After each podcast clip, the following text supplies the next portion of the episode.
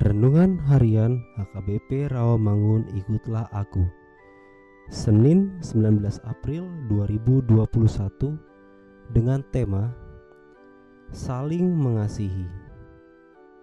Bacaan kita pagi ini tertulis dalam Yeremia 30 ayat 1 sampai 11a Dan bacaan malam ini tertulis dalam 1 Yohanes 3 ayat 10 sampai 16. Dan kebenaran firman yang menjadi ayat renungan kita hari ini ialah 1 Yohanes 3 ayat 23. Dan inilah perintahnya itu supaya kita percaya akan nama Yesus Kristus anaknya dan supaya kita saling mengasihi sesuai dengan perintah yang diberikan Kristus kepada kita. Demikian firman Tuhan.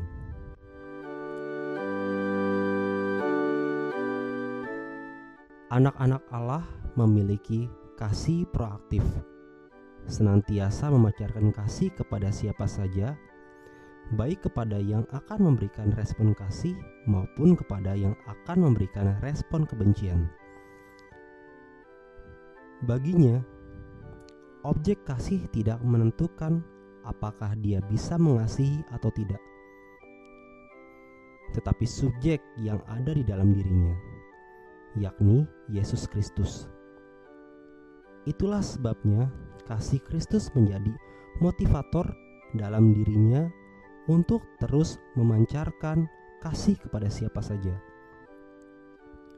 termasuk kepada orang-orang yang membenci kita karena belum mengenal Kristus. Seperti Kristus, kita pun dibenci dunia. Namun, karena kasihnya, ia mati bagi dunia, bagi kita yang berdosa. Ia pantas membenci kita karena kita memusuhinya. Namun, justru ia mengasihi dan menyelamatkan kita dari dosa. Meneladani Kristus kita harus mengasihi sama, mulai dari saudara. Artinya, kita siap dihina, ditolak, dihindari, diasingkan, dianiaya, dan lain-lain, asalkan mereka percaya kepada Kristus. Tidak cukup dengan perkataan, tetapi wujudkan kasih melalui tindakan nyata dalam kebenaran, sehingga mereka melihat bukti kasih kita secara konkret.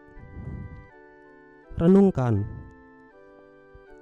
tidak mudah mengasihi orang yang membenci dan menolak kita.